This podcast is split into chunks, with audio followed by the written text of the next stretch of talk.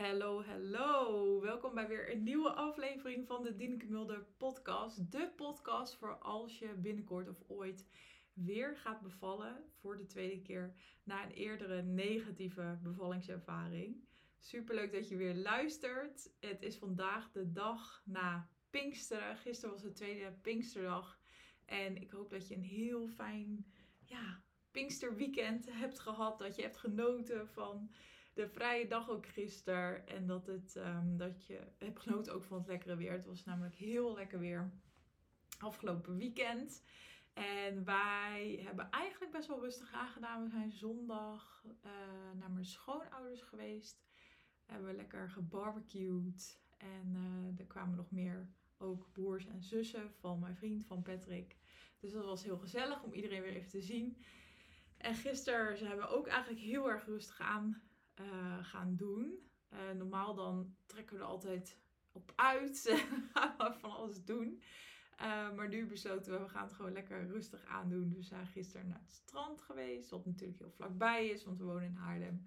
En we hebben even lekker geluncht. En rondgelopen.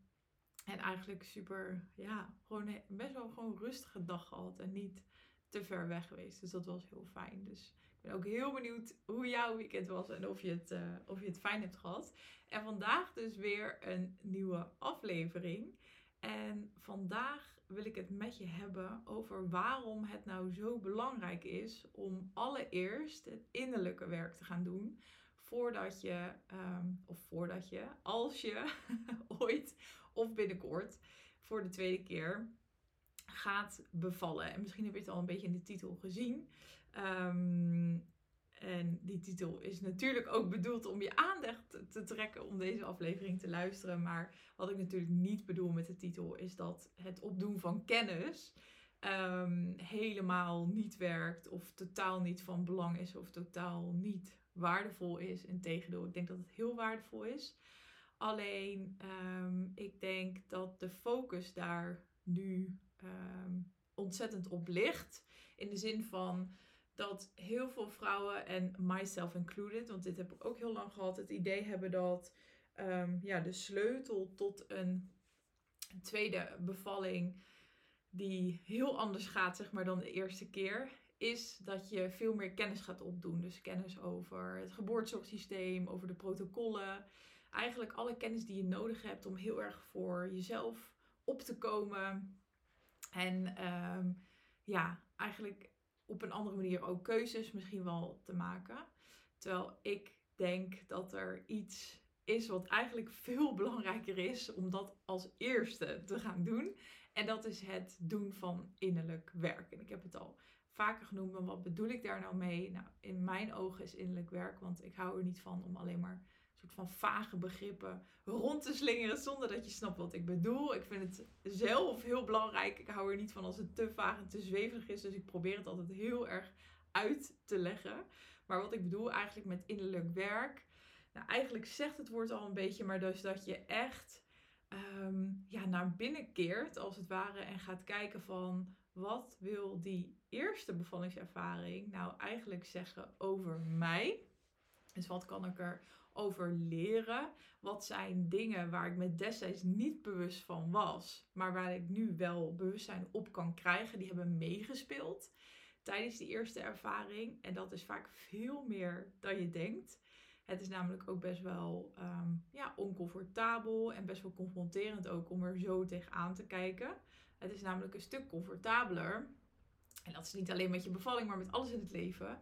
Om alleen maar te focussen op um, wat, ja, wat anderen um, verkeerd hebben gedaan of hebben bijgedragen zeg maar, aan jouw ervaring. En het is een stuk oncomfortabeler om te gaan kijken van wat is mijn deel hier nou in geweest. Wat niet betekent, en ook dat heb ik al vaker benoemd, maar ik blijf het benoemen. Wat niet gaat over jezelf de schuld geven. Uh, of überhaupt de schuld bij jezelf neer gaan leggen. Maar wat veel meer gaat over de verantwoordelijkheid nemen voor alles wat je destijds hebt ervaren. En om dus te gaan kijken, waar komt dat nou precies vandaan? Um, dus dat is wat mij betreft waar waar innerlijk werk over gaat. Nou, ik denk dat er nog veel meer bij hoort, maar ik wil het ook weer niet te lang maken met deze uitleg.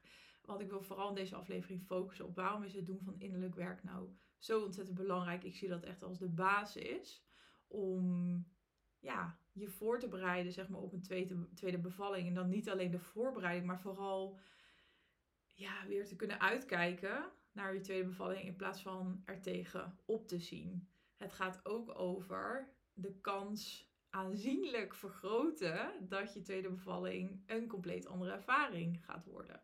Dus die twee dingen uh, zie ik eigenlijk als een soort van positief gevolg van het doen van innerlijk werk.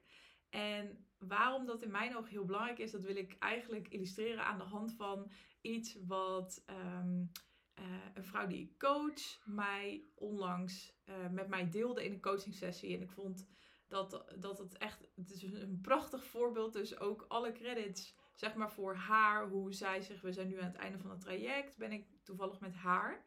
En um, ja, ik ben gewoon heel erg trots op haar. Ze heeft zich heel erg opengesteld. Wat echt niet makkelijk is, maar ze is er echt, echt helemaal, ja, vol voor gegaan. Laat ik het zo zeggen. Dus we hebben echt heel veel besproken. En dit is een van de voorbeelden die we samen hebben besproken uit haar bevalling. En dat is namelijk het stuk dat zij um, ja, binnenkwam in het ziekenhuis. Terwijl ze al best wel flink wat uren thuis op had zitten. Het was eigenlijk ook, dan moet ik even goed zeggen, maar volgens mij was het ook ja, haar wens om uh, thuis te bevallen. En uiteindelijk dus uh, naar het ziekenhuis. Volgens mij vanwege niet voor een ontsluiting. Ook dat weet ik nou niet 100% zeker, maar volgens mij was dat het. Uiteindelijk kwam ze dus in het ziekenhuis uh, terecht. En um, merkte ze dat ze gewoon um, ja, heel veel moeite had, zeg maar, met de omgeving die opeens compleet anders was. Het, um, nou, het omgaan met de pijn, het handelen van haar weeën. Ze was heel misselijk. Ze voelde superveel, ook dus fysiek, lichamelijk ongemak. Ze voelde zich gewoon echt niet goed. En uh, wat er vervolgens dan, wat de setting is in een ziekenhuis, is dat in een ziekenhuis is er natuurlijk niet, uh, en ook thuis trouwens meestal niet hoor, het ligt een beetje aan welke verloskundige praktijk um, uh, je hebt en welk type verloskundige, maar in een ziekenhuis is er niet continue zorg voor jou. Dus er is niet continu iemand die naast jou zit, niet continu iemand die jou zorg verleent, als het ware. En um, je komt opeens binnen met allerlei um, ja, gezichten die je niet kent, mensen die in en uitlopen. En in haar geval um, werd ze ook uh, dus alleen gelaten, wat heel veel gebeurt. Hè? Dat is heel normaal. Ook tijdens mijn bevalling gebeurde dit. Uh, dus ze werd alleen gelaten met haar man. En ze had een knopje gekregen om op te drukken om om hulp te vragen. En um, wat, ik, wat ik eigenlijk voornamelijk dus doe met vrouwen, is dat we um, een aantal situaties die veel impact hebben gemaakt in je bevalling, dat we die eigenlijk helemaal gaan uitlichten en daardoor heen lopen om te kijken wat zit daar nou achter. En zij wilde dit stuk heel graag uh, bespreken, zeg maar, in een van onze coaching sessies. Dus dat deden we ook. En um, wat zij ook zei is, ik vond het super moeilijk of ze zei, die uren daar in het ziekenhuis vond ik heel lastig, omdat ik me heel erg alleen gelaten voelde. En haar man was wel bij haar. Um, maar misschien herken je dat wel, dat ondanks dat je partner erbij was, dat je uh, misschien toch een soort van ander type support nodig had. Niet dat um, je partner helemaal niks heeft bijgedragen. Maar dat je een soort van behoefte had aan wat ander type support, om het zo maar te zeggen. En uh, dat ervaarde zij ook heel erg. Dus haar partner zat wel naast haar, maar ze was um, erg dus naar, in zichzelf naar binnen gekeerd.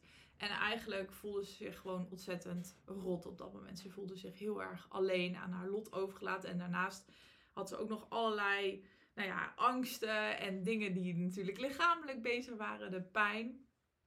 Waardoor ze eigenlijk best wel behoefte had aan zorg, aan support. Alleen voor haar was het feit om daarvoor dus op een knopje te gaan drukken een ontzettend hoge drempel. En daar hebben wij dus samen wat meer over gehad. Want wat bleek nou? En ehm, ik vroeg daar natuurlijk vervolgens op door.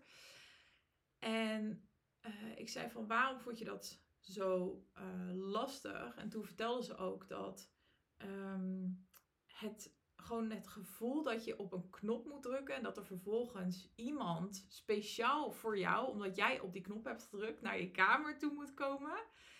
Um, dus dat je eigenlijk een beroep doet op iemand, letterlijk, vond ze ontzettend lastig. En toen vroeg ik ook het volgende haar, aan haar. Ik zei: Stel je eens voor dat er iemand bij jouw bevalling was geweest die je ontzettend vertrouwt.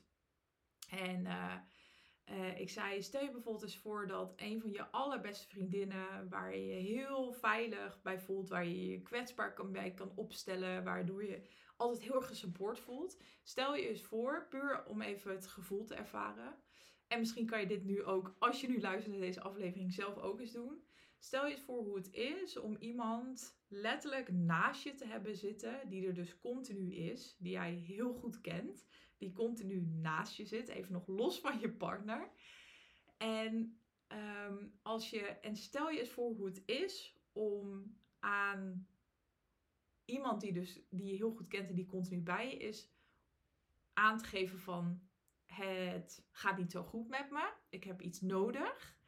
Versus, of in tegenstelling tot, dat je dus iemand, um, dat je eigenlijk om hulp eigenlijk moet vragen. Of in ieder geval, soms is het niet eens om hulp vragen. Hè. Soms gaat het ook, want dat heb ik gisteren ook met haar besproken. Heel vaak is het, is het meer een soort van behoefte om heel even gewoon iets eruit te laten. Om gewoon even te ventileren, zeg maar. Dus om, puur om even je gevoelens en emoties te uiten tijdens je bevalling. Soms is dat al voldoende, dat er gewoon echt iemand helemaal even naar je luistert.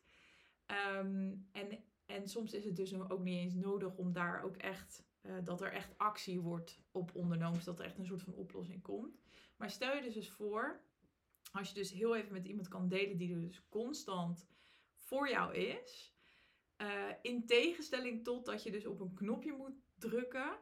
En uh, dat er dus iemand naar, speciaal naar jouw kamer moet komen die misschien wel in jouw hoofd iets heel anders belangrijks aan het doen is. Of net even pauze had. Of net even met een andere vrouw bezig was.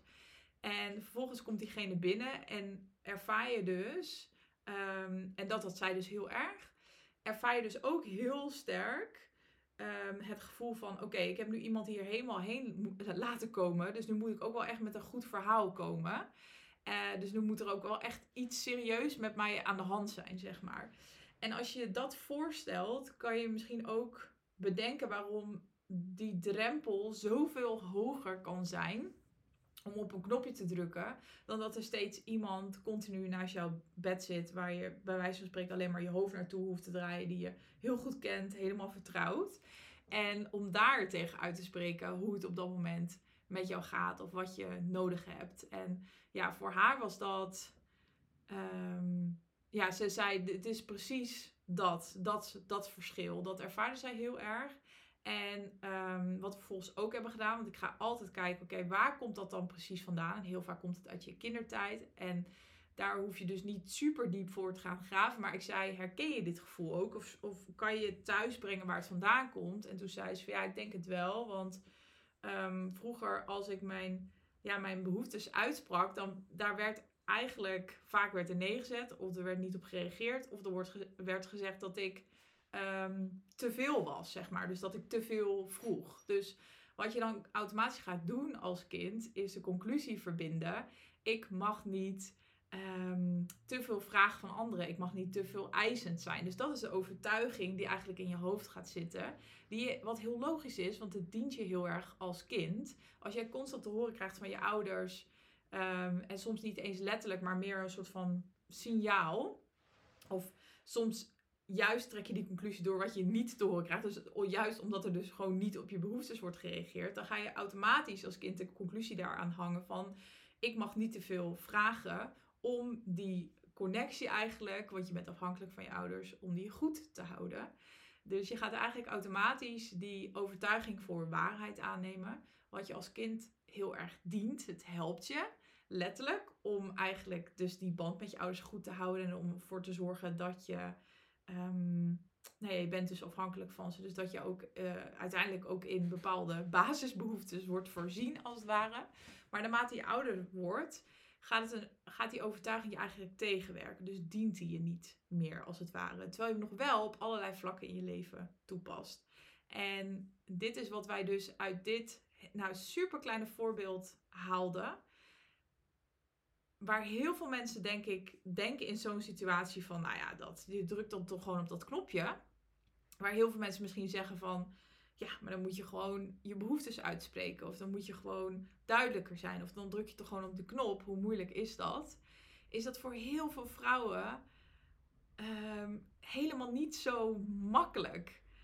En dat komt dus doordat er vaak heel veel overtuigingen onder zitten. En door, het komt dus doordat dit oogschijnlijk simpel lijkt om dus om hulp te vragen om gewoon op zo'n knopje te drukken, maar de, waar dus veel meer achter zit. En dat um, besprak ik dus heel uitgebreid met haar. En heel vaak helpt dat om volgens ook inzichten te krijgen van. Um, want heel vaak als je hier niet bewust van bent, wat er dan gebeurt, is dat je best wel kritisch op jezelf bent. Dus dat je terugkijkt en denkt van ja, wat ben ik nou voor slapjanus of voor sukkel? Waarom heb ik niet gewoon op dat knopje gedrukt? Waarom lukt het me niet om op dat moment dus voor mezelf op te komen, behoeftes uit te spreken en gewoon op dat knopje drukken om hulp te vragen? Dus wat er gebeurt, is dat je heel kritisch blijft naar jezelf, terwijl het ook super belangrijk is.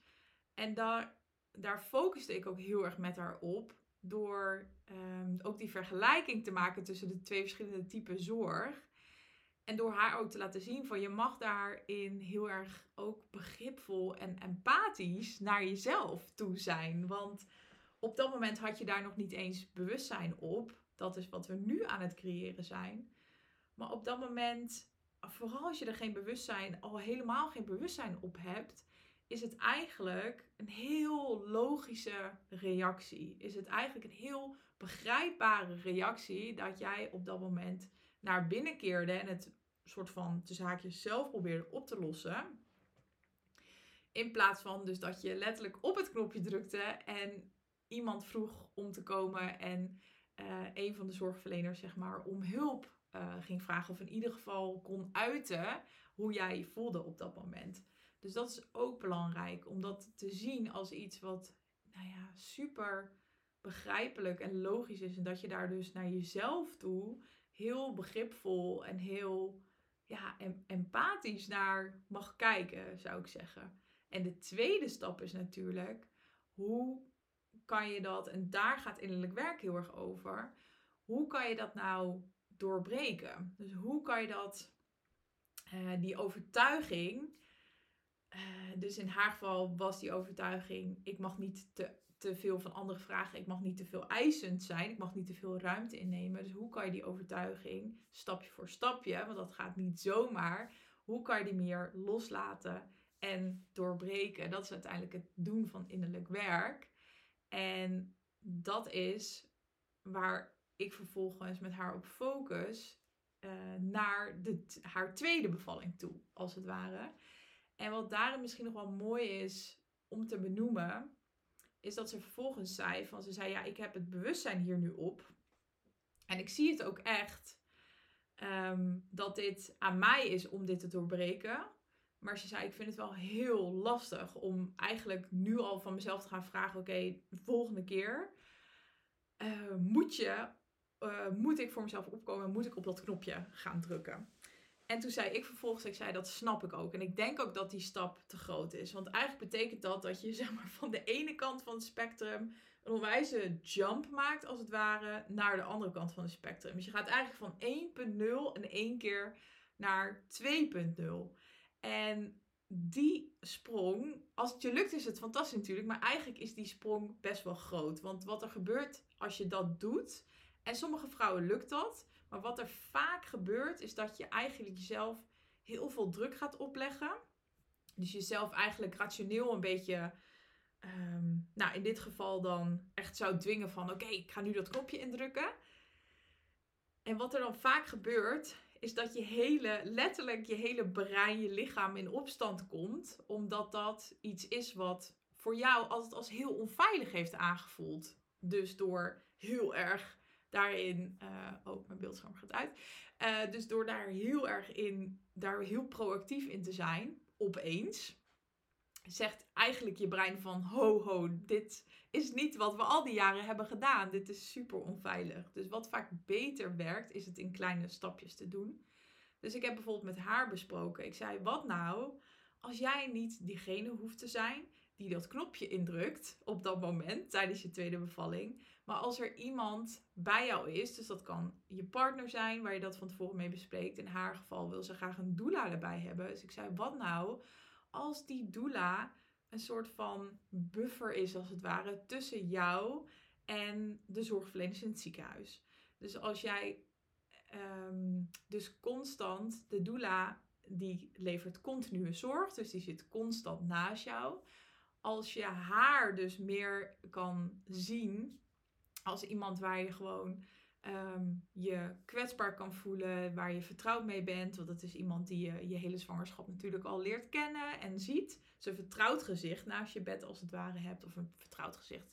Je hoeft niet per se dat bed te liggen natuurlijk. Maar in ieder geval een vertrouwd gezicht ook in de kamer hebt. En dat op een moment, en vaak is het dus al genoeg om überhaupt gewoon je, je angsten, alles wat er in je opkomt, gewoon te delen. Dat het letterlijk even je systeem uit is. En ook, en mocht dat dus niet genoeg zijn, dus mocht je echt het idee hebben van ja, ehm, ik heb nu gewoon pijnstilling nodig, dat wil ik heel graag. Dat zij degene is die dat knopje voor jou gaat indrukken. En dat is, het klinkt als iets super simpels en onbenulligs en heel kleins. Maar voor haar was dat ehm, ja, zo'n soort van opluchting. Uh, dus dat ze zei van, oh, inderdaad, zo kan het ook. En ik omschreef dat heel erg. Dus dan ga je niet van 1.0 direct naar 2.0 en jezelf dus best wel daarin onder druk zetten. Maar je gaat eigenlijk een kleiner stapje nemen. Dus je gaat van 1.0 naar 1.1. En vervolgens ga je dan weer van 1.1 naar 1.2. En daarin hoef je ook dus niet te wachten totdat je weer gaat bevallen. Maar dit zijn dus ook dingen die je in het dagelijks leven gaat oefenen. Want die overtuiging die zij heeft over ik mag niet te veel ruimte innemen, ik mag niet te veel eisend zijn, ik mag niet te veel vragen van anderen. Dat is natuurlijk niet een overtuiging die alleen maar tijdens haar bevalling, tijdens haar eerste bevalling is teruggekomen. Maar ook ehm, in andere aspecten en vooral relaties in haar leven. Relatie tot haar familie, tot haar partner. En het mooie daarvan is dus dat je daar al mee, om die overtuiging dus wat meer in balans te krijgen, wat meer te gaan integreren, daar kan je dus al in het dagelijks leven, in het hier en nu mee gaan oefenen. En dat vind ik dus het briljante hiervan, dat innerlijke werk. Daar hoef je dus niet mee te wachten. Je gaat het natuurlijk ook toepassen en integreren als het ware tijdens je tweede bevalling. Maar in die bevalling wil je niet je wil juist zo min mogelijk voor jezelf te hoeven opkomen, tussen haakjes, uh, tijdens die bevalling. Je wil dat eigenlijk al voorafgaand uh, daaraan doen. Je wil eigenlijk al een optimale setting voor jezelf creëren waarin jij je heel erg op je gemak voelt en heel veilig voelt. Door dus door eigenlijk mensen om je heen in je team te gaan inzetten als een soort van ehm, buffer of de mensen die voor jou als het ware gaan opkomen, mocht dat nodig zijn.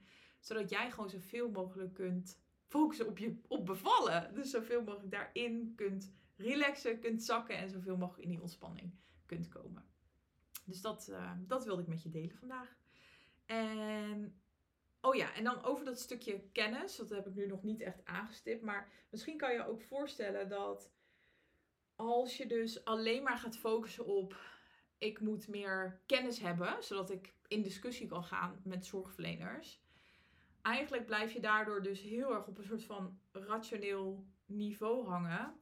En kan het dus zijn dat daardoor, dat je de kennis hebt en dat je dus heel, daardoor eigenlijk ook een beetje kritisch op jezelf bent en denkt: oké, met deze kennis moet ik volgende keer wel in staat zijn om uh, voor mezelf op te komen of behoeftes uit te spreken. Maar zolang je dus niet weet wat daaronder ligt, zal de kans groot zijn dat het ehm, weer niet lukt. Omdat je eigenlijk een soort van stap bent over, uh, overgeslagen als het ware. En het kan ook zijn dat het daardoor, dus dat je er, uh, doordat het dan in het moment niet lukt, dat je dus alsnog heel kritisch gaat terugkijken en, en um, niet ja, een soort van fijn of tevreden kan terugkijken op die ervaring.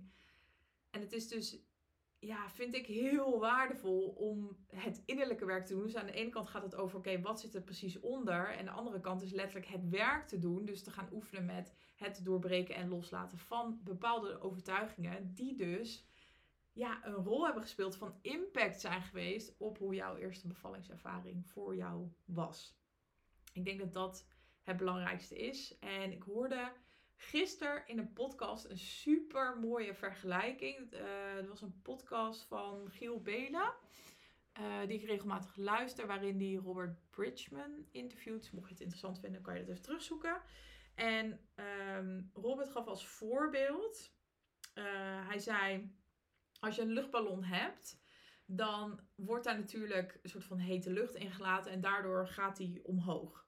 Dus er zijn dingen die je kunt doen in de voorbereiding op je tweede bevalling, um, waardoor de luchtballon sowieso omhoog gaat, als het ware, een stukje omhoog. Dus waardoor je de kans al een beetje vergroot dat het een fijnere ervaring wordt. Dus het kan zijn omdat je vorige keer uh, geen zwangerschapscursus hebt gevolgd of een heel oppervlakkige cursus. In mijn geval was dat zo. Um, uh, of althans, het was wel een keer een cursus, maar als ik nu zie welke informatie daarin werd gedeeld en welke informatie ik allemaal heb opgedaan na mijn bevalling, was het een vrij subiere cursus. Dus door zoiets te doen, uh, kan het, of gaat het sowieso zijn dat je luchtballon een stukje omhoog gaat. Het kan ook zijn dat je de vorige keer um, bij een verloskundige praktijk zat die niet helemaal bij jou paste achteraf gezien. En dat je een, de keus gaat maken voor een uh, kleinschalige praktijk bijvoorbeeld. En ook daardoor, uh, ook dat is een soort van vuurtje die, de zorgt, die ervoor zorgt dat, de, uh, dat er hete lucht in je ballon komt. Dus het gaat allemaal werken om die ballon een stukje te laten opstijgen. Maar als je echt hoog wil gaan, dan zal je ook de zandzakken die om, die, om dat mandje heen hangen, los moeten laten. En de sleutel om die zandzakken los te laten, dat is wat mij betreft het doen van innerlijk werk. Dus eigenlijk door dat helemaal over te slaan, en dat is mijn visie, hè? de waarheid volgens Dieneke. en natuurlijk zal dat niet voor iedereen zo gelden, maar dat is wat ik in mijn praktijk heel veel zie. Ik denk door die, die stap gewoon niet te doen, zal je dus altijd op een bepaalde hoogte blijven zweven of maar heel langzaam gaan. En juist dus door aan de slag te gaan met je zandzakken, dus letterlijk je bagage, want daar gaat het heel erg over. De stukken waar jij je tot dan toe niet bewust van was, maar juist door terug te gaan naar die eerste bevallingservaring je wel bewust kan worden. Dat gaat je helpen dus om die bagage los te kunnen laten. Dus door dat innerlijk werk te gaan doen. Dus ik vond dat een super mooie vergelijking. Ik dacht, oké, die ga ik er ook nog even ingooien, zodat het misschien iets duidelijker wordt. Dus nogmaals, dit is wat, wat, ik met je wilde delen vandaag. Ik hoop dat je hier iets aan hebt gehad. Mocht je het nou, um, mocht het je heel erg aanspreken, is ook het voorbeeld wat ik heb genoemd uit de betreffende coaching sessie die ik met iemand had. Vind je het herkenbaar? Of merk je van, oh, als ik nu terugdenk, dan zijn er bij mij ook wel bepaalde stukken waar ik misschien iets dieper in kan duiken. Vind je het fijn als ik met je meedenk, dan kan dat.